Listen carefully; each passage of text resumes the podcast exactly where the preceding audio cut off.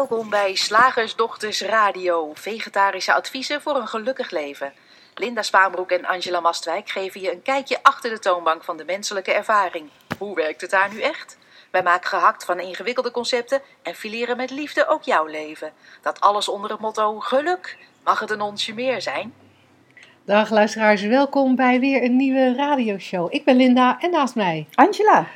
En vandaag wilden we het heel graag met je hebben over uh, integratie van de drie principles met andere technieken. Mm -hmm. En um, nou, voor we daar induiken, kan ik me voorstellen dat je een nieuwe luisteraar bent. En als je een nieuwe luisteraar bent, weet je misschien sowieso nog helemaal niet wie wij zijn en uh, wat die drie principles zijn. In dat geval raad ik je aan om naar onze website te gaan en daar de uh, het e-book drie, stappen naar, drie stappen naar geluk aan te vragen. Daarin beschrijven we die drie principes. Dan heb je wat meer achtergrond en ik kan me voorstellen dat dat uh, prettig is bij het luisteren van onze podcast, maar in elk geval van deze podcast. Je vindt het e-book drie stappen naar geluk zowel op onze website shiftacademy.nl als op slagersdochters.nl. En slagersdochters.nl is natuurlijk echt de website van uh, deze radioshow en de online community die we hebben rondom deze radioshow. Nou, dat gezegd hebbende, uh, integratie van 3P's met uh, technieken. Um, wat, wat, was ook alweer de aanleiding, Antje? We hadden een aanleiding hiervoor. Ja, ik denk dat de aanleiding was, maar ik ga nu eigenlijk een beetje gokken, want we vergeten dat gewoon. Hè? Uh, we leven zo in het nu. Uh, dat mensen zeggen van, nou ja, hier zit wel iets in wat jullie vertellen. Um, maar ja, ik heb ooit EMDR gedaan of een andere um, therapie gedaan. En dat heeft mij destijds toch ook wel geholpen. Uh, niet in alles, maar wel over, op dat specifieke onderwerp. En kan ik dat blijven doen als ik uh, naar die drie principes luister? Of bijt dat elkaar? Ja, ja. Ja, en zoals we het hier voor onszelf hadden omschreven... Um zou het kunnen zijn dat je ooit enorm geholpen bent doordat je bijvoorbeeld in aanraking kwam met NLP? Ik ken best wel veel mensen die uh, NLP-opleiding hebben gedaan, uh, NLP-master zijn bijvoorbeeld, en echt gemerkt hebben dat dat wat voor ze heeft gedaan. Um, nou ja, of je voelde je goed naar wat jij net zei, EMDR of uh, cognitieve gedragstherapie. Maar wat we ook wel tegenkomen als het gaat om technieken, is uh, mensen die al jaren meelopen in kringen waar rijk worden uh, enorm belangrijk is. Dat was waar ik uh, in zat. er zijn ook omgevingen waar jezelf ontplooien enorm belangrijk is. Ja.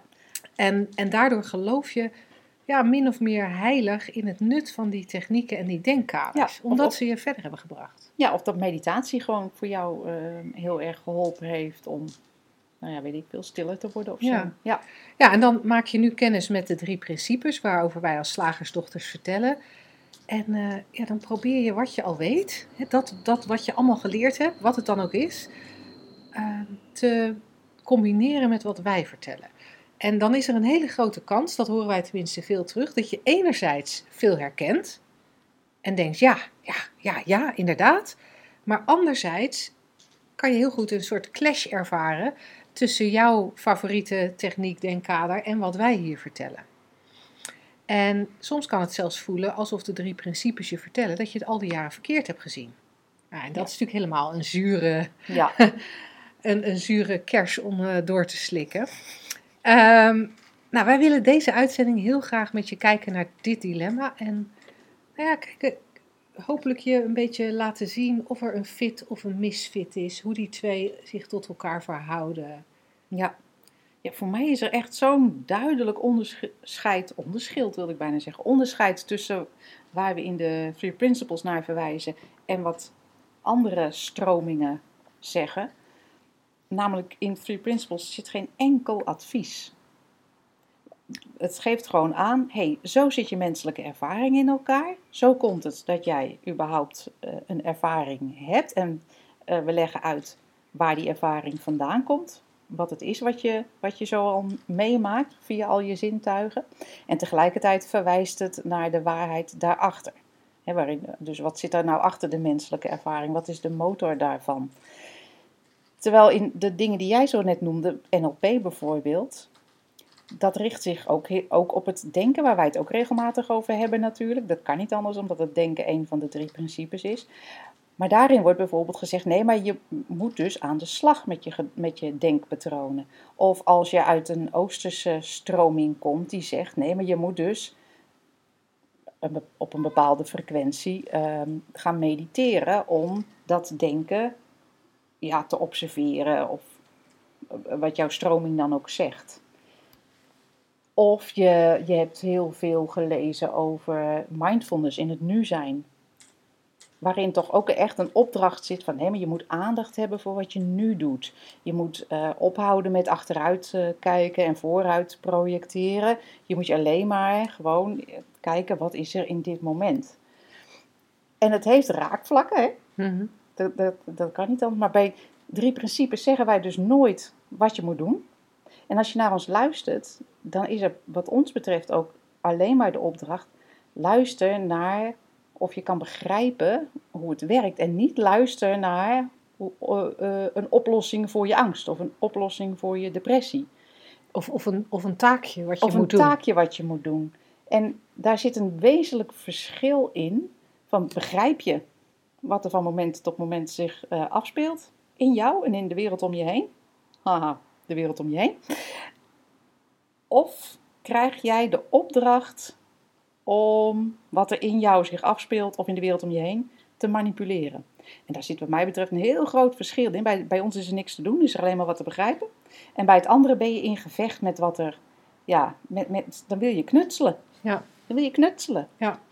En waar het mij ook op brengt, is dat we als mensen heel vaak een hoe-vraag stellen. Ja. Maar hoe kom ik En van dan- mijn angst af? Hoe kom ik van mijn depressie af? Hoe Ja. word ik rustiger? Hoe word ik rijk? Hoe word ik succesvol? Hoe word ik een goede ouder? Hoe vind ik een goede relatie? Het is altijd een hoe. En, eh, en daar, ehm, daar geven wij eigenlijk nooit antwoord op. Dat kan super frustrerend zijn. Eh, want dan denk je, ja, ik zie die slagersdochters eh, daar zo zitten op die filmpjes. Of ik, je hebt een training bij ons bijgewoond. Je denkt, ja, wat, wat die vrouwen uitstralen aan genieten, aan rust, aan plezier. Dat wil ik ook. Hoe krijg ik dat? En dan zeggen, en dan zeggen wij, ja, maar dat is niet een kwestie van iets doen. Het is een kwestie van iets zien. En dat is wat Angela net al zei. Dan gaat het heel erg over het zien van hoe het systeem werkt. Waar voor mij ook nog een groot verschil zit tussen de verschillende eh, technieken die er zo zijn en waar ik er een, eh, waar jij de meer spiritueel-achtige zoektocht hebt gedaan, heb ik meer de, de therapie-achtige zoektocht gedaan. Dus daar ken ik er dan weer een, eh, weer een aantal van. En een van de grote verschillen voor mij is heel duidelijk dat er, tot ik kennis maakte met de drie principes, ik er altijd van uitging dat er iets buiten mij was wat anders moest. Ehm, in, in de zin van, ik, ik, ik moest een succesvoller bedrijf, want dan zou ik mijn talent volledig kunnen benutten en dan zou ik veel mensen kunnen helpen. En dat waren dan allemaal aspecten die mee zouden helpen, nou, zodat ik me ook beter zou voelen. Als ik minder stress wilde ervaren, dan moest ik zorgen dat er daarbuiten mij iets veranderde. Dat ik een handig eh, time management systeem deed, dat ik mijn bedrijf op een bepaalde manier inrichtte, waardoor ik eh, ehm, minder hoefde te werken en meer ontspanning ervaarde. Dus dat was daarbuiten. Of, dat was een ander aspect, ik moest aan mezelf knutselen. Ja. Alsof ik een soort aparte entiteit was. en als we, nou, als we nou dat ene stukje van Linda veranderen, als we de onzekerheid eruit halen, of ehm, nou ja, zorgen dat die er niet meer is, hè, het, kon van alles zijn, eh, dan, als we daaraan zouden knutselen, dan zou het ook goed komen. Dan zou ik ook dat geluk kunnen ervaren, die ontspanning kunnen ervaren, het genieten kunnen eh, ervaren. En sinds ik de drie principes leer kennen, zie ik dat alles waar we in de verschillende technieken naar streven, en of het dan NLP is, of cognitieve gedragstherapie, of het is EMDR, of het is een van die geweldige trainingen waardoor je leert om rijkdom aan te trekken, of waardoor je leert om je bedrijf eh, heel succesvol te maken, wat het ook is. Elk van die technieken gaat ervan uit dat er iets te, iets te krijgen is. Dat er Ja. iets moet veranderen om gelukkig te zijn. Dat er, Ja. En eigenlijk word je daarmee ook bevestigd in, in het basisidee, de basisgedachte waar heel veel van ons, bewust of onbewust, ehm, ehm, onze de andere denkpatronen hebben gebouwd van ik ben niet goed genoeg of het is niet goed genoeg. ja, ja, Dat appelleert daar enorm aan. En daarom kan ik me ook voorstellen, en heb ik ook gemerkt, dat dat heel aantrekkelijk kan zijn om, om, om, om te werken om ergens te komen. Want het is nu nog niet goed genoeg. Maar als Ja. ik eenmaal daar. Ja, en door de drie principes ben ik ook gaan zien. Hè, ten eerste, want dat, dat hebben we misschien niet helemaal eh, duidelijk benoemd. Maar ten eerste ben ik gaan zien dat we als onderdeel van de universele levensenergie altijd oké zijn. Zoals jij dat ehm, eh, afgelopen maandag in, eh, in, in Shift Magazine hadden we een, een artikeltje van Angela. Waarin zij ook beschreef van het is, het is een. Het leven is eigenlijk een volledig verzorgde reis. Je hoeft er alleen maar te zijn en nou ja, en daarvan te genieten in plaats van van alles eh, te regelen en voor elkaar te krijgen, want je bent al oké onder alle omstandigheden. Dus dat is één aspect. Het andere aspect is dat ik meer en meer zie dat elk van die technieken, en ik zei dat net al een beetje, maar ik, ik, ik ging met mijn verhaal een, net even andere kant op, vandaar dat ik mezelf half herhaal en half iets nieuws eraan toevoeg. Al die technieken, die, die willen dat. ehm, die focussen zich heel erg, bijvoorbeeld bij NL, eh, NLP, focussen zich erop dat je geen angst mag hebben, bijvoorbeeld. Ja. Of bij EMDR, je mag geen angst hebben. Ehm, in de trainingen die ik deed op het gebied van marketing en ondernemen, eh, werd ervan uitgegaan dat je, je nou ja, een bepaald type bedrijf moest hebben. En vervolgens gingen al die technieken daar naartoe werken. En, en waaraan voorbij werd gegaan, was dat verzonnen was wat er belangrijk was. Ja. Ik heb ooit eens eh, ehm, een korte tijd verkering gehad met iemand die eh, heel erg into NLP was. En die, ehm, die vond dat ik bepaalde woorden niet meer moest gebruiken. Want die bepaalde woorden die waren beperkend. die waren beperkend. En, ehm, en hij zat mij de hele tijd daarop te verbeteren. En eh, wilde ook oefeningen met mij doen, zodat ik die woorden niet meer zou eh, gebruiken. Wat ingewikkeld. En het grappige effect was, tenminste, het- het was op dat moment helemaal niet grappig. Het was nog voor mijn 3P-inzichten. doordat hij de hele tijd tegen me aan het zeggen was: Nou, doe je het weer. Je doet het weer fout. Je doet het weer fout. Je doet het weer fout. Als er ontstond er eerder onzekerheid, die er eerder niet was, dan, dan, dat ik er, dan dat ik er echt van opknapte. Maar ik vond met name het fascinerende van. We, we, we zetten een. We, we observeren iets, dat interpreteren we. Ehm, wij hebben natuurlijk, wij hebben het overigens zo'nzelfde soort ding wel eens gehad met een, eh, met een training. Hè? Dat, er, dat er zijn mensen die jou lachen ehm, interpreteren als, eh, Angela's lachen bedoel ik dan, interpreteren als onzekerheid. En dus dan interpreteren wij van buiten, oh maar Angela lacht. Eh, een beetje te hard en te veel soms. Nou, te, veel- te, te veel, hè? dat is dan de interpretatie, dat is niet veel. mijn mening. Ja, nee, volgens de standaard met maatstaven. En eh, dus dat, dat, dat observeren we. En dan interpreteren we het lachen. Dus het te vaak, te hard is natuurlijk al een interpretatie. We zien lachen en, Ja. en verlenen daar betekenis aan eh, als buitenstaander. En nu doen wij dat even van buiten naar jou toe, Angela. Maar hetzelfde doen we natuurlijk ook bij onszelf. We, eh, Angela zou ook kunnen observeren van, goh, ja, ik, eh, ik lach wel heel hard. ik lach wel heel hard. Ja. Mijn, mijn vriend zegt altijd, ik hoef jou nooit te zoeken. dat is wel heel fijn. Want je, je gaat gewoon op het geluid Gaat het af. geluid af? Oh, ik hoor daar ergens. Nee, daar zal ze wel zitten.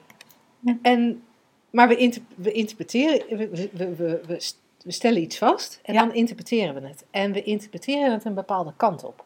Dus we, we interpreteren het naar, naar iets wat aan geknutseld moet worden. Bij dat Ja. lachen hebben wij wel eens, ik heb, ik heb wel eens bij een training dat iemand tegen me zei, ik vind het wel, ehm, wel knap van jou dat jij met een collega kan werken die zeer onzeker is. Nou, als er iemand niet onzeker is, is het Angela. Dus het was heel grappig dat dat de interpretatie van de, van de toehoorder was. En dat mag, dat is prima. Maar als je op basis van interpretaties gaat knutselen, Mhm. dan, eh, ja, dan, kan je heel, dan kan je heel veel knutselen. Ja. En naar mijn mening is dat wat er, wat er veel gebeurt bij, bij andere technieken. Ja. Waarmee ik niet wil zeggen dat die andere technieken helemaal niet mogen. Ik bedoel, als, eh, eh, ik, ik maak nog steeds met heel veel plezier gebruik van een aantal van de time management technieken die ik ooit geleerd heb. In de tijd dat ik dacht dat ik daardoor gelukkiger werd. Ik vind die techniekjes nog steeds handig. Zoals ik ook graag gebruik maak van een recept als ik ga koken. Omdat ik niet zo handig ben in zelf ingrediënten bij elkaar gooien. Dus als ik dat doe, dan wordt het niks. En als ik het recept van iemand anders volg die hetzelfde heeft gedaan, dan wordt het wel lekker. Dus dat, dat is fijn. Maar het is wat, maar het is wat anders als je, als ik ga denken dat ik waardeloos ben omdat ik zelf die maaltijd niet in elkaar kan knutselen. Of als ik ga denken dat ik alleen maar met een goede maaltijd oké ben. En dat als ik mijn partner en mijn kinderen niet de goede maaltijden weet voor te zetten, dat ik dan een slechte partner en een slechte moeder ben. Ja. En dan zit je alweer in de interpretatie. En dat is wat er volgens mij veel gebeurt bij de, de, de, de, de andere technieken. Ja. En waar we bij de drie principles juist heel scherp op zijn. Ja, want er, dat Alert. Ja, je hoeft jezelf niet, eh, niet te monitoren op geen enkele manier. Als je ziet dat ja, het gevoel in dit moment is slechts een gedachte en die gaat ook weer voorbij. Ik heb natuurlijk meer in spirituele kringen verkeerd en daar was het dan een dingetje om gelijkmatig te zijn. Dus dan kon de hele wereld instorten, maar dan moest jij dan eigenlijk niet zo, sorry, ik ben stil op de radio, dat is niet handig, niet op reageren of in ieder geval, ja, gelijkmatig op reageren. En was dat dan ook bij hele leuke dingen? Moest je daar ook gelijkmatig op reageren? Nou, een beetje enthousiasme mocht, mocht wel. Dus ook daar zat dan weer een soort oordeel in over wat er gevoeld werd en wat de beste gevoelens waren. En het beste was dus een beetje als je je als de kamerplant gedroeg. Ja, ja. Ja, een beetje een Hey, enthousiaste maar, dat, kamerplant. maar, dan, maar dan is dus wel even de vraag, hè, want ik meen mij ineens te herinneren dat. Ik weet ineens weer naar aan- aanleiding van welke eh, mailwisseling we, we op dit onderwerp waren gekomen. Ehm, dat als je nou al die jaren op een bepaalde manier tegen de wereld aan hebt gekeken. Mhm.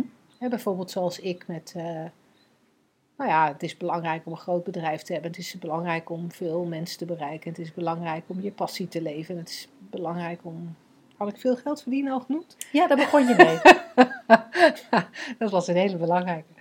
Ehm, en je hebt, hoe, hoe, hoe integreer je dan die drie principles? Want dan kan het, dan kan het dus heel erg lijken alsof dat fout is. Nee, wat ik zo mooi vind aan die drie principes is dat ze alleen maar gewoon een uitleg zijn. En je alleen maar vertellen wie je werkelijk bent onder al het menselijk geworstel en geneuzel en gebrabbel en gedoe. En dat er niks verboden is. Dingen zullen niet meer logisch voor je zijn, zoals het voor jou niet meer logisch is om constant eh, eh, over geld te denken. Zoals het mij niet meer logisch lijkt om, om constant eh, te monitoren of ik al, eh, weet ik veel, genoeg bewogen heb. ik vind het gewoon echt te belachelijk voor woorden als ik het nu vertel. Ehm, dus dingen vallen wel weg. Maar het is de zaak omkeren om je op de techniek te richten om iets weg te krijgen. Mhm. dat is, het is precies tegenovergestelde werkt het. Als je begrijpt hoe je in elkaar zit en wie je werkelijk bent, dan vallen er dingen weg. Want dan is het gewoon niet logisch meer om, om heel erg bezig te zijn met bepaalde ja, dingen in de toekomst of in het verleden Nee. Zonder de opdracht dat je in het nu moet zijn. Eigenlijk is alles wat er gebeurt, als je, hoe, hoe dieper inzicht je in de principes krijgt, hoe makkelijker je leeft. Maar eigenlijk is dat allemaal een bijverschijnsel van inzicht en niet een, ehm, een op zichzelf staande opdracht. Zoiets. Ja. Ja, en dat is heel cool. En dan, en dan merk je dat naarmate je meer inzicht krijgt, dat er, dat er heel veel van die verplichtingen ook wegvallen. Hè, de verplichting om je passie te leven, de verplichting om veel, of, of de verplichting om weinig te werken in mijn geval, de verplichting om, nou ja, you name it, de verplichting om gelijkmatig te zijn, de verplichting om In het nu te zijn. in het nu te zijn. Dus er vallen heel veel verplichtingen weg. En wat er voor in de plaats komt, is een, een heel natuurlijk, heel makkelijk, ontspannen bewegen. En het grappige is dat je dan, terwijl je ontspannen beweegt, natuurlijk wel van alles doet. en, en dat zie je aan ons ook. Hè? Onze, onze, ja, er worden op het moment ruim 500 podcasts per dag beluisterd, of eh, gedownload. Wij vinden dat zelf nog steeds een wonderbaarlijk hoog aantal. Dat is wel ontstaan doordat wij bewogen hebben. Maar het is niet ontstaan omdat wij dachten of denken dat, dat het ergens voor nodig is of dat het ergens voor moet. En dat is wel een heel groot verschil. We doen dit echt puur voor onszelf. Ja, ja. Voor de. Nou, ik kan me helemaal voorstellen dat wat wij nu verteld hebben over die integratie van die technieken, dat dat eh, eh, met die drie principles, ehm, dat het een hele mooie aanvulling is op wat je op andere plekken van ons eh, hoort, in andere podcasts of de artikelen op onze website. Eh, maar ik kan me ook voorstellen dat je zegt van ja, ik wil daar wel nog een stapje dieper in gaan. Nou, dat kan natuurlijk. We hebben, zoals je eh, inmiddels weet, de Makkelijk Leven Community. Dat is een community waarbinnen we eh, elkaar twee keer per maand spreken en inderdaad lekker met elkaar verder mijmeren en filosoferen over de drie principes. Dat is een hele coole, die vind je op slagersdochters.nl. En als je zegt van ja, maar ik ben toch meer op zoek naar iets specifieks, zoals bijvoorbeeld, ja, ik wil gewoon minder stress. Eh, ik hang tegen een burn-out aan, of ik merk dat ik gewoon toch met veel spanning mijn bedrijf of mijn werk doe, of veel spanning heb binnen mijn gezin.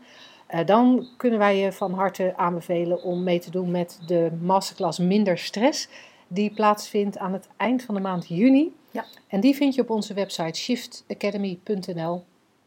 En eh, dan gaan we heel graag wat dieper met je in op deze materie.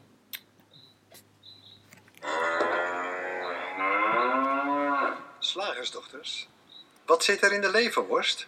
Oftewel, tijd voor wat wetenschap.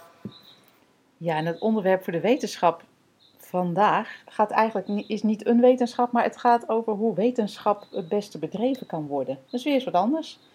En ik keek daarvoor een eh, TED-talk, een van mijn favoriete bronnen van wetenschappelijke lolligheidjes. en ik vond daar een, een verhaal van, ik weet niet of ik het goed uitspreek, maar Uri Alon. Ik kan me zo voorstellen dat het een Israëliër is, ik weet het niet. Maar in ieder geval, die, die vertelt hoe, je, hoe wetenschap het beste bedreven kan worden. En dat heeft hij met schade en schande geleerd. Want hij deed een, eh, een PhD, zoals dat dan in het Engels heet. Dat is een, eh, een doktersopleiding Mhm. eigenlijk, hè? Medicijnen studeren Nee, dan, nee, nee. PhD is wat gewoon- wij promoveren noemen. Oh, oh, oh. Dus, Dus dan word je anders? dokter. Ja, dat is iets anders Iets dan anders de dan een medische master dokter. degree? Ja, Oh, dus na dokter- je master na je master, ja. Nou, deze man was dus heel geleerd. En eh, hij ging promoveren en hij raakte echt compleet eh, vast. Hij, hij liep helemaal, helemaal vast. Eh, misschien wel herkenbaar voor, mochten er luisteraars onder ons zijn die studeren of anderszins vastzitten. Alle, onder, alle onderzoeken, die die, alle richtingen die hij onderzocht, die, ja, die liepen gewoon op doodspoor uit. En ehm, alles wat hij aan had genomen, hè, alle, alles waar hij van uit was gegaan, dat leek, dat leek niet meer te werken. En hij voelde zichzelf eigenlijk als een piloot die door de mist aan het vliegen was. En ehm, niet meer wist waar boven of onder was, of links of rechts. En hij werd daar een beetje depressief van, ehm, beschrijft hij. hij. Hij scheerde zichzelf niet meer. Ach. Oh, ja, nou dan ben je toch ook wel heel ver heen. Hij kwam zijn bed niet meer uit. En hij voelde zich eigenlijk niet goed genoeg om nog eh, aan de universiteit te werken. Ehm, want, zegt hij, ik vergeleek mezelf met Einstein of Newton of andere wetenschappers eh, waarvan ik, eh, ja, die ik had gevolgd. Eh, en ik zag dat die hele goede resultaten hadden behaald.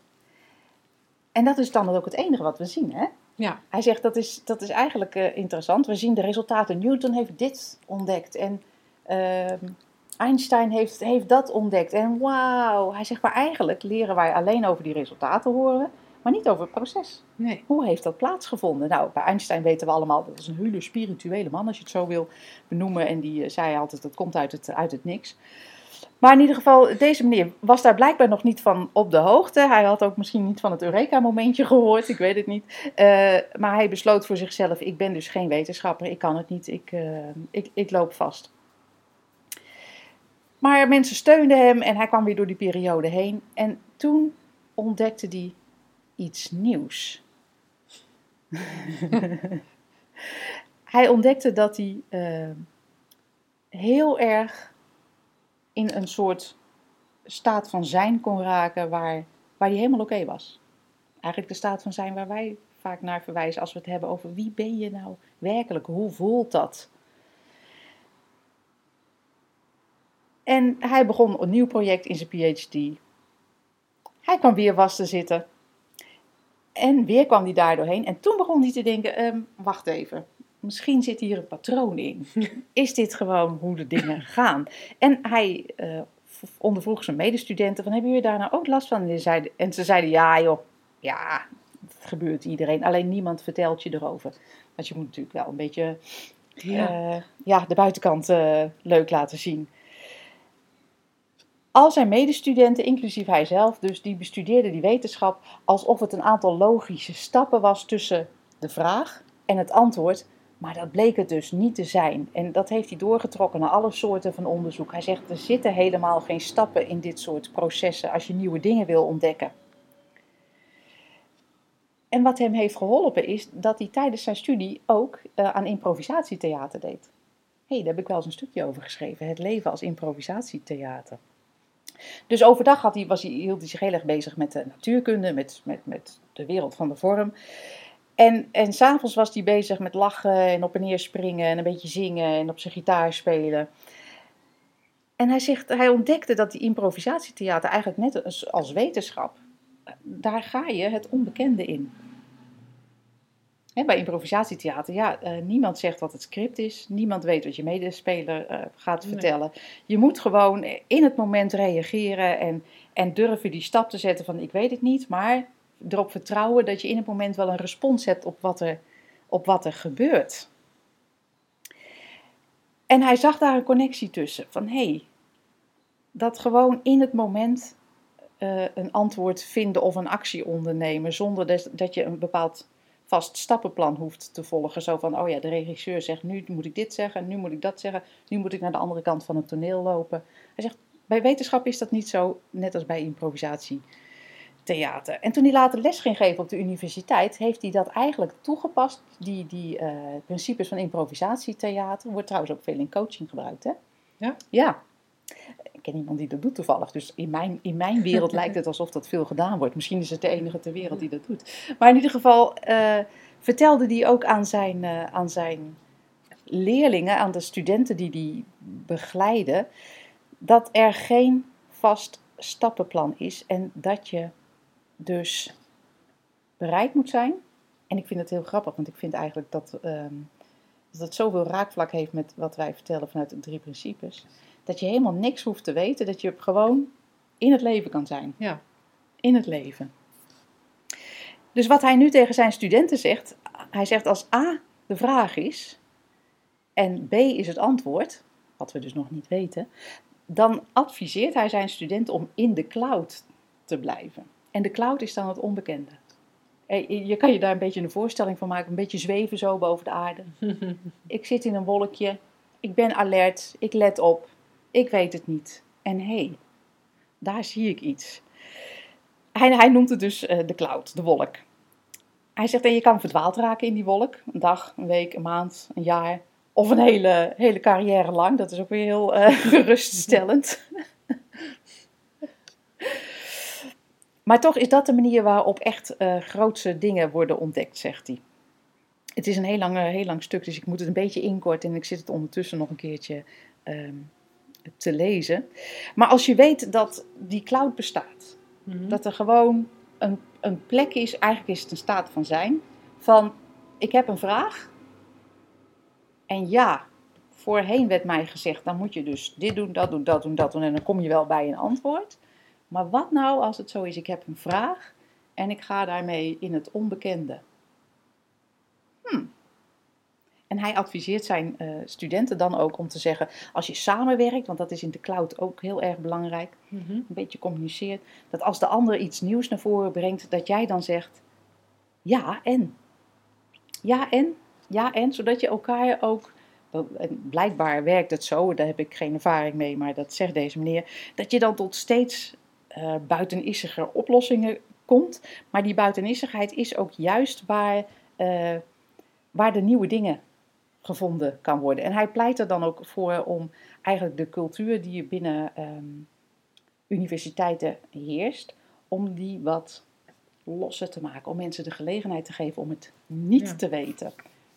Vind ik een leuke. Ja, cool. Ja. En het is ook zo grappig. Wij, eh, wij, wij zeggen ook vaak van, als je een vraag hebt van, ja maar hoe, ja maar hoe, ja maar hoe. Waar je het net over had. Ehm, een antwoord is daar niet, maar er is wel een staat van zijn. En die zit voor je persoonlijke denken, waarin het wel een keer duidelijk wordt. Helder wordt. Ja, behalve, behalve als de vraag er helemaal niet toe doet. Dat kan ook nog. Want dat is, eh, eh, Die kan- even, even ja. los van wetenschap, maar dat is natuurlijk in ons persoonlijk leven zo vaak. Ja, Dat we, dat we iemand. Nou ja, wij, wij komen natuurlijk dan bij onze klanten eh, allerlei mensen tegen. En ja, ik, kan- kan jij een voorbeeld geven? Want ik, ik kan even niet direct een voorbeeld voor de geest halen. Nou, we zien heel vaak dat mensen eh, voor zichzelf vaststellen dat iets belangrijk is om te bereiken of te hebben of te krijgen. Bijvoorbeeld, ja, maar mijn, eh, hoe doe ik dat dan met mijn kind als die niet meer naar school wil? Dat is een grote vraag. Die zit thuis, die doet niks, alleen maar uit zijn neus te eten, draagt niks bij. Hoe moet ik daarmee omgaan? Hoe kan ik hem, moet ik hem een schop onder zijn hol geven? Moet ik, Moet ik, ehm, moet ik hem maar laten gaan in de wetenschap dat alles goed is zoals het is? Moet, hoe? Wat, wat, wat? En dan kan het zijn, en ik weet niet of dit het goede voorbeeld is, maar dan kan het zijn dat in alle rust en helderheid die vraag niet inderdaad wegvalt. En je, het al, je al actie hebt ondernomen of niet, als dat niet nodig is.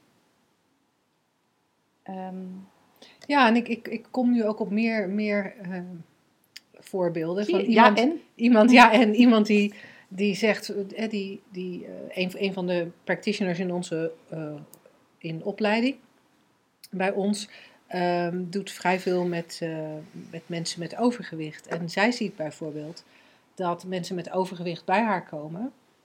En, maar de vraag over het overgewicht blijkt uiteindelijk niet de relevante vraag te zijn. Ja, dat is een mooie voorbeeld. Die vraag, die, die, vraag Ja. die, die, is er, die is alleen maar ontstaan op basis van heel veel gedachteconstructies over Hoe je mooi moeten zijn en de Ja. buitenwereld en weet ik het allemaal. Eh, maar de vraag is niet relevant. Dus dat, dat vind ik dan ook nog wel een interessante. Want met een irrelevante vraag kun je de cloud ingaan, hè? zoals deze meneer dat zegt. Ja, Maar ja, als de vraag irrelevant is, ga je daar ook niet een antwoord op krijgen. Nee. Of in ieder geval niet een relevant Nee. antwoord. misschien dat, de, dat, de- dat er dan in de cloud gerealiseerd wordt. Wat een onzinvraag. Ja, Zou ja, dat kunnen? Ja, dat zou heel goed kunnen. Dat zou Ja. heel goed kunnen. Ik zet overigens voor eh, ehm, onze communityleden de TED-talk van Uri Alon eh, nog even ook eh, op eh, in de community. Kijk, altijd handig. Zeg, slagersdochters, hoe pak ik die vegaburger? Over naar de luisteraarsvraag. Vandaag hebben wij een deel van de vraag van Dina. Want Dina had een, eh, een aantal vragen in één mail. En eh, voor vandaag, Dina, pak ik heel graag je tweede vraag. Ehm, je zegt daarbij: Ik geniet enorm van jullie heldere inzichten. Maar vraag mij af of ik het zou begrijpen als ik niet al wat ervaring of voorkennis zou hebben over mindfulness of non-dualiteit. Hoe denken jullie over de ongeziene wereld, waar je contact mee kunt maken en van waarde kan zijn, mocht je dat willen? Hier werk je met je intuïtie en dit kan ook binnenkomen via gedachten. Dat zorgt voor verwarring als ik lees over jullie overtuiging dat elke gedachte van jou is en jij alleen jouw werkelijkheid ervaart. Alsof alles wat je tijdens een transmedium consult, alsof alles wat je, Ja, al- alsof alles wat tijdens een transmedium consult door jou is gecreëerd of bedacht. Hierdoor klinkt het of gedachte geen deur of connectie kan zijn, maar een andere energie of, of het universum. Oké. Zullen we hem even in stukjes hakken? Ja, zo even beginnen bij dat mindfulness of non-dualiteit. Dat Nou- je voorkennis zou moeten hebben. Ja, dat is grappig, want ik hoorde laatst ook iemand, ik weet niet meer in welke setting of context dat was, maar iemand die zei, maar ja, jullie werken natuurlijk alleen met hoogopgeleiden. En dat vond ik op zich begrijpelijk, omdat wij misschien wel eens wat moeilijke woorden gebruiken, ook in onze geschreven artikelen. Maar ik dacht, nee, dat is helemaal niet waar. want uiteindelijk, ik werk bijvoorbeeld zelf met een, een jongen waarvan gezegd wordt dat hij verstandelijke dat zijn verstandelijke vermogens eh, op het niveau van een zesjarige zijn. Eh, kinderen komen in aanraking met die drie principes, ook door het, eh, het boek wat wij aanbieden op de site Binnenste Buiten Bente. Kijk, het klinkt ingewikkeld als wij, misschien als wij ingewikkelde woorden gebruiken, maar iedereen weet dit van binnen al, waar die drie principes naar verwijzen. Iedereen weet al wie die is, want dat ervaren we voordat ons conceptuele brein juist eh, geconstrueerd wordt. Dus al heb je geen enkele voorkennis, geen enkele voorkennis. Ik bedoel, Sydney Banks zelf, degene die eh, die drie principes ontdekt heeft, of, of ja, beschreven Verwoord heeft, heeft, ja. verwoord heeft, eh, die had niet meer dan tweede klas middelbare school. Hij was lasser. En toch heeft hij zijn hele leven lang, nadat hij dit had gezien als inzicht, heeft hij hier zijn hele leven over gepraat. En hij gebruikte wel eens woorden waarvan hij na zijn praatje zei: Bestaat dat woord? Wat betekent het? Dat wist hij helemaal niet, omdat hij in een soort ja, andere, Ja, andere staat verkeerde, waarin alle woorden vanzelf kwamen. En er is dus geen enkele vooropleiding of voorkennis nodig om te realiseren dat je in elk moment je gedachten beleeft. Want zo simpel Ja. is het, hè? En ik, en ik realiseer me nu dat, dat deze vraag eigenlijk heel erg prachtig aansluit bij waar we mee begonnen. Over de integratie van eerdere in, van, van andere technieken met de drie principles. Ik denk, Dina, dat dit is wat er bij jou een beetje gebeurt. Hè? Jij, hebt, jij hebt ervaring met mindfulness, je hebt eh, kennis genomen van non-dualiteit. En dat neem je, neem je blijkbaar mee als je luistert naar wat wij vertellen. En probeert de overeenkomsten en de verschillen te zien. Ja. En, en daardoor lijkt het voor jou relevant, eh, of, of lijkt het voor jou hè, passend dat je mindfulness en non-dualiteit eh, eh, Hm. kent. Maar ik heb non-dualiteit überhaupt pas leren kennen nadat ik de drie principes al, wel al inzicht had in de drie principes. ik was al een tijdje practitioner toen iemand tegen me zei, het lijkt heel erg op non-dualiteit. En Toen dacht, moest- wat? moest ik opzoeken wat non-dualiteit was. Eh, en mindfulness eh, kende ik ook alleen maar als woord. Dus, dus nee, dat, dat, is, eh, dat is geen noodzaak. Maar ja, nogmaals, ik kan me voorstellen dat doordat je die achtergrond hebt, je wel luistert naar de drie principes met. Ja, ik wou zeggen met die bril op, maar luisteren kan je natuurlijk niet met een bril op. Tenminste, dat heeft weinig zin. Maar dat je kijkt naar die drie principes met die bril op. En tijdens onze trainingen zeggen wij, beginnen wij eigenlijk altijd met mensen te vragen om alles wat ze al weten en wat, wat ze al geleerd hebben, eh, of ze dat even achter willen laten. Daar hebben wij een speciaal een grote kist voor in onze ruimte. Eh, daar, daar kan je, als je binnenkomt, kan je even alles wat je al weet instoppen. Dan doen wij de deksel dicht. Als je weer weggaat, mag je het best weer meenemen. Dat vinden wij niet erg. Maar we hebben gemerkt dat als je kunt luisteren naar ons, met juist zo min mogelijk voorkennis. eh, Met zo min mogelijk uh, vragen van, is het dit? Is het dat? Lijkt het hierop? Zegt ze Ja. dat? dat er veel meer binnenkomt en dat het effect voor jouzelf ook veel, eh, veel dieper is. En ja, dat maakt dus ook dat, het, eh, dat, dat je voorkennis niet uitmaakt. Het is dermate universeel, het zit dermate in elk van ons. Dat het, en Angela zei dat daar straks ook al, het is meer dat wij je helpen herinneren aan wat je bent, dan, dan dat we je iets nieuws vertellen. En dat oproepen van die herinnering, eh, ja, dat kan bij iedereen. Ja. Of iemand nou geestelijk gehandicapt Ja. genoemd wordt, of iemand 5, 6, 7 jaar oud is. Of dat iemand 78 is, depressief en nou ja, you name it. Het maakt, Ja. het maakt niet Maakt uit. echt niet uit. We zijn namelijk allemaal mensen. We hebben allemaal een menselijke ervaring. Ik moet ook denken aan het jongetje van zes uit Engeland, wat het eh, boekje las, wat in het Engels Inside Out Izzy heet. En zijn moeder vroeg, en wat vind je ervan? En hij zei, dit gaat over wie ik echt ben. Ja. Heeft zo'n, die heeft echt nog nooit van Advaita gehoord, of over mindfulness, of, of over je essentie. Niks. Hij dacht gewoon, oh ja, nee, maar dit is, dit is eigenlijk wie ik ben. Ja. Het is zo simpel. Ja. De tweede helft van de vraag, eh, daar, daar, daar proef ik een soort misverstand uit over wat, wat gedachten, het verschil tussen gedachten en die enorme kracht van het denken. Of zie jij dat heel anders? Nou, ik raak vooral een beetje in de war doordat er een aantal dingen in zien. Eh, de, de, de, ehm, het gaat over een ongeziene wereld. Daar heb ik natuurlijk een bepaald beeld bij. Want als ik denk aan de ongeziene wereld, denk ik aan wat wij mind noemen. Ja, het Denk- vormloze. Het ja. vormloze, eh, ehm, eh, het potentieel van alles. Ehm, en dan raak ik in, in verwarring als, er, eh, als Dina het heeft over transmedium consult. Want ik weet al niet wat een transmedium consult is. Ik krijg daar wel gedachten bij. Ik, krijg, ik heb daar gedachten bij, maar ik weet helemaal niet of die kloppen. Dus ja, ik- ja, ik weet niet. Als ik denk aan een medium consult, dan denk ik aan iemand die dingen over jou weet die je zelf niet weet. Ja, volgens mij zijn we allemaal, eh, als je het zo wil noemen, transmediums. Als we teruggaan, als we uit onze persoonlijke denken vallen. En dan is er alleen maar helderheid. En ben je allemaal medium, maar niet voor bijzondere boodschappen of, of, of andere entiteiten. je gaat er ook heel verschrikt bij kijken. Ja, zie je? Ik zet hele grote ogen bij op ook. Ehm, wat- ons betreft is het veel simpeler. En ja, intuïtie komt ook via het denken tot je.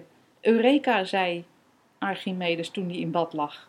En die zag ineens, oh, zo zit dat in elkaar met eh, volumeverplaatsing. En dat, dat, dat briljante idee kwam tot hem via het denken. En wij zijn niet Archimedes, maar wij denken ook wel eens, oh, een radioshow, dat Ja. is leuk. Ja, en, en Dina zegt ook, hierdoor klinkt het of gedachte geen deur of connectie kan zijn naar een andere energie of universum. En ik denk dat,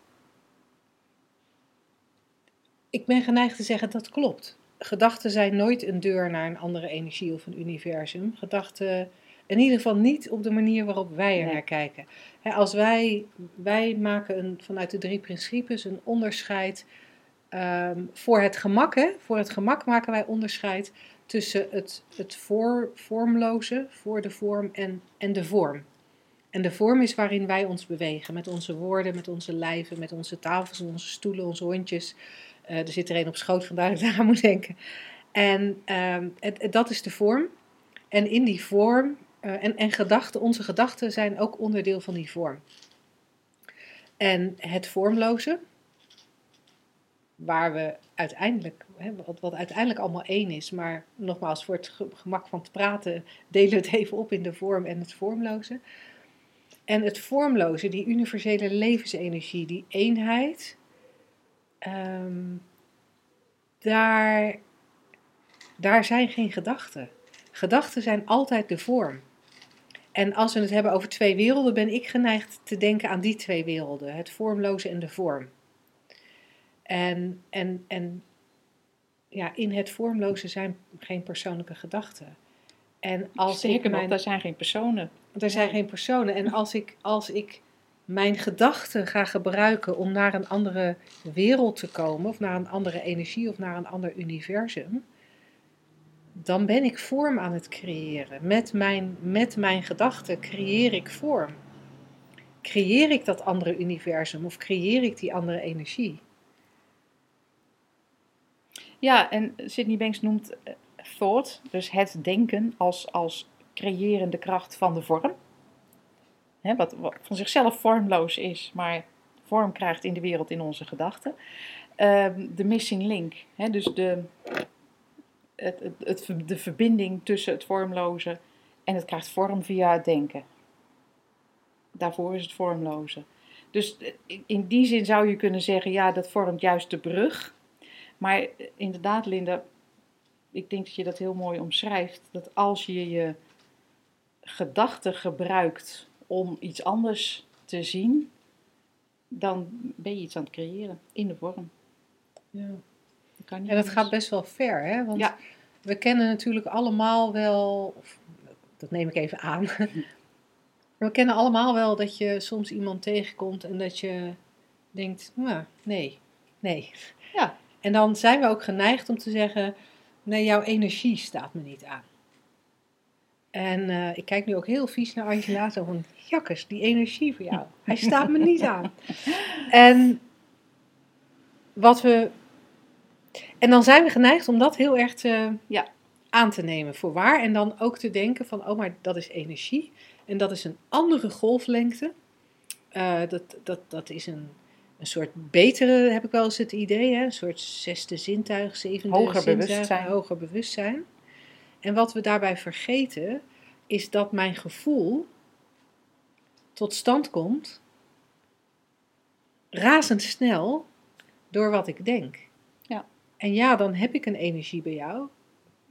En die komt tot stand doordat ik razendsnel heb geconstateerd dat ik vind dat je ogen een beetje eng staan, dat je een beetje groot bent, je hebt enge tattoos. eh, ik noem maar even wat, hè. ik zit nu allemaal dingen te verzinnen die niet bij Angela horen, maar...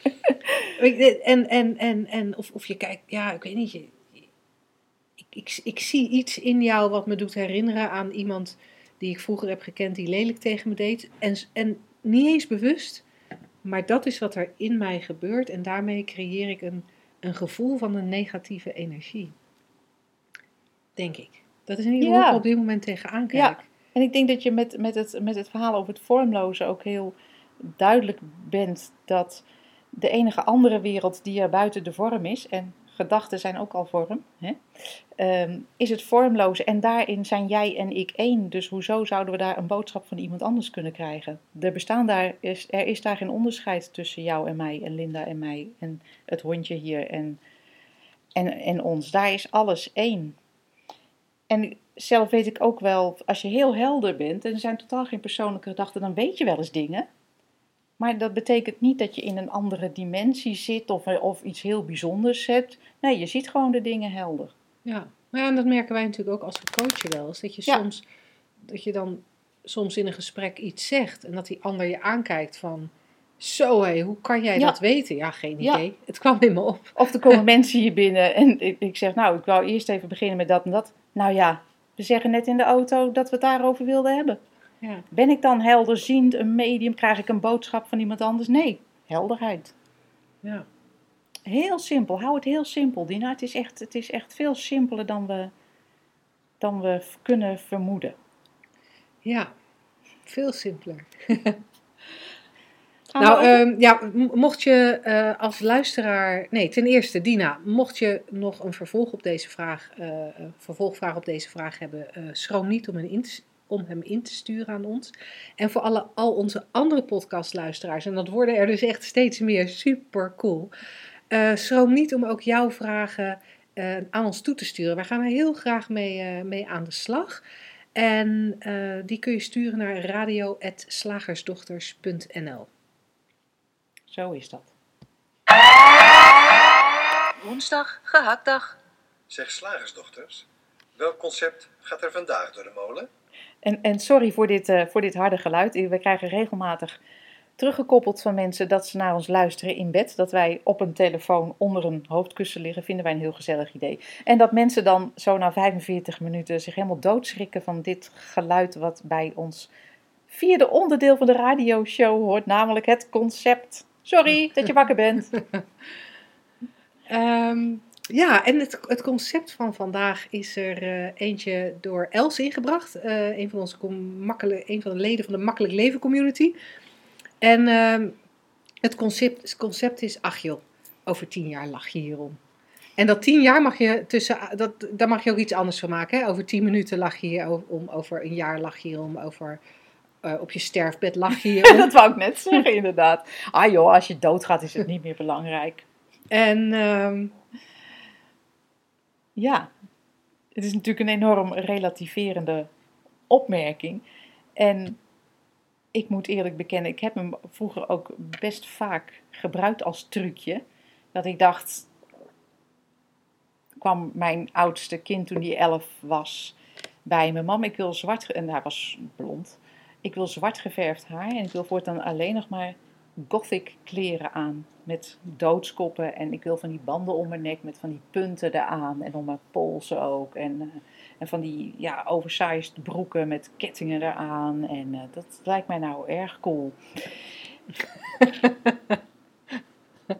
en toen dacht ik, wel ja, want over vijf jaar lachen we hier om. En dat was ook zo. maar, ehm, dus ik zei, nou kind, moet je doen. Leuk. En ik weet nog andere moeders op het schoolplein dat zij tegen mij zeiden, dat je dat goed vindt dat hij er zo bij loopt. Oh, dat ziet er toch niet uit, wat erg en depri. En dan moest je kijken, al die doodskoppen. En ik dacht, ja, een beetje fase gaat alweer over. Maar dus ik heb hem, eh, ik heb hem wel gebruikt vroeger. Over eh, vijf jaar lach je hierom. Ik moet er nog steeds om lachen als we foto's uit die tijd zien. Ach god, kijk zo'n kinderkopje en dan heel stoer met zwart geverfd haar, lang haar ook nog. Zo schattig. Ehm, maar als wij eens even kijken vanuit ehm, wat wij inmiddels weten over de wereld. Ik moet er gewoon om lachen, wat wij weten over de wereld, alsof de wereld op zichzelf iets is. Maar ehm, ja, lach je hierom, dan geven wij nog wel aan dat hier, waar we naar verwijzen, dat het iets is. Ja. We daar eens in duiken. Dus Ja. ehm, moeten we een ander voorbeeld geven? Dus dat is, dat is eigenlijk dan, dat is eigenlijk het concept. Hè? Die tien jaar, of het feit dat je erom lacht, dat, dat, dat is niet waar wij het concept Nee. zien. Wij zien het concept vooral bij het hier. Ja, Hier lach je om. Ehm, een, eh, je baan verliezen. J- jij lacht er nu al om. nou, dat komt door mijn onzekerheid, sorry. Ehm, Els gaf eh, nog een voorbeeld eh, dat, dat eh, haar, haar dochter, ehm, ehm, toen ze jonger was, ooit afreisde voor een nieuwe liefde naar Griekenland. Moederziel alleen, zoals haar moeder dat dan ervaarde. En, en daar bleek de nieuwe liefde te veranderen in. de, de, de prins bleek geen prins, maar een kikker te zijn in plaats van andersom. En, en, en dat is een nare ervaring geweest voor dat meisje, eh, voor wat nu inmiddels een vrouw is. En, eh, en, en toen dachten zij ook, daar, daar, hier lachen we om over tien jaar. En, en daar was het hier dus, nou ja, de man die niet zo leuk bleek te zijn. Eh, het, hier lachen we om was het idee van een, een, een jonge vrouw alleen naar Athene verhuizen. en helemaal verliefd en, met, en letterlijk verblind. Ja, en, en vervolgens met een, wat we een gebroken hart noemen, terugkomen. Ehm, ja, daar lachen we dan over tien jaar ook om, dat je nu een gebroken hart hebt. Ja. En dus het kan van alles zijn. Maar steeds is het hier een, een observatie van een omstandigheid. Mhm. Die we op een bepaalde manier interpreteren als erg, als vervelend, Moet anders. niet wenselijk. En ik denk dat je hem daar al hebt, hè? Voor een groot deel. Ja. Want of het nou gaat om een jongetje van 12 dat zich gothic gaat kleden, daar kunnen we van alles van vinden. En de moeders op het schoolplein, de andere moeders op het schoolplein, vonden daar ook van alles van. Hadden er veel gedachten over, verbonden er conclusies aan, wisten dat te extrapoleren naar de toekomst, wat dat allemaal zou betekenen voor zijn toekomst. Ehm, terwijl het voor jou, nou ja, verder weinig betekenis had. Maar dat is eigenlijk, dat is eigenlijk met, met, met alles wat we als onwenselijk eh, interpreteren, is dat we denken dat het leven er beter uitziet zonder dat. Mhm. Waarbij we weer opnieuw voorbij lopen aan het feit, joh, we zijn in elk moment oké. Zelfs met een gebroken hart. Behalve als we denken dat het gebroken hart niet mag. Of Ja. als we denken dat het gebroken hart ons werkelijk iets kan doen. Want tuurlijk, op het moment dat je verdriet ervaart, omdat je met heel veel hoop eh, afgereisd bent naar een ver land en, en, en dat pakt allemaal, allemaal anders uit. En, en je bent heel erg verliefd op die man en het blijkt helemaal geen leuke man te zijn of het lijkt allemaal niet goed te gaan. Tuurlijk krijg je daar verdrietige gedachten van. Tuurlijk voel je je dan, eh, tuurlijk, maar hè, dan kan ik me heel goed voorstellen dat, Dat, je kan dan gebeuren, ja. Dat je dan heel verdrietig bent. Dat je misschien ook wel een beetje boos bent op jezelf en boos bent op hem. En niet zo goed weet wat je moet. Want je had eigenlijk je hele toekomst al geprojecteerd daar in Griekenland. En nu kan het toch niet in Griekenland. Dus dat voel je allemaal. En dat is logisch, hè? want dat is de werking van het systeem. Ja. We hebben gedachten. En ons bewustzijn geeft daar gevoel, emotie, kleur, geur, smaak aan. Waardoor we het ook echt beleven. En waardoor het als echt voelt. Maar dat is het systeem. Ja. En als je kijkt naar wat er werkelijk gebeurt, zijn er. Dan, dan, dan, dan zijn het dus alleen maar gedachten en bewustzijn die een film creëren. Maar jouw kern is altijd nog oké.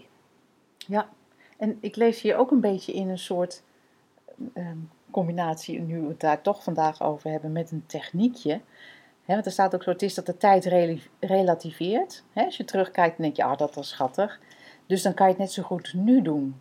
En dat vind ik een conclusie. Laten wij snel relativeren. Ja. Ja, ja, zo van, oh, er zit een opdracht in. Oh, wacht even hoor. Ik ervaar nu ehm, ehm, angst om mijn dochter of verdriet om het feit dat ze verdriet heeft. Ehm, laat ik er nu maar gelijk om lachen, want ik weet dat ik hier om tien jaar over lach. En dat is niet wat wij, eh, wat wij communiceren. Wat wij zeggen is, je ervaart zij en jij en ieder van ons doet dat op exact dezelfde manier. Het systeem zei Linda net al.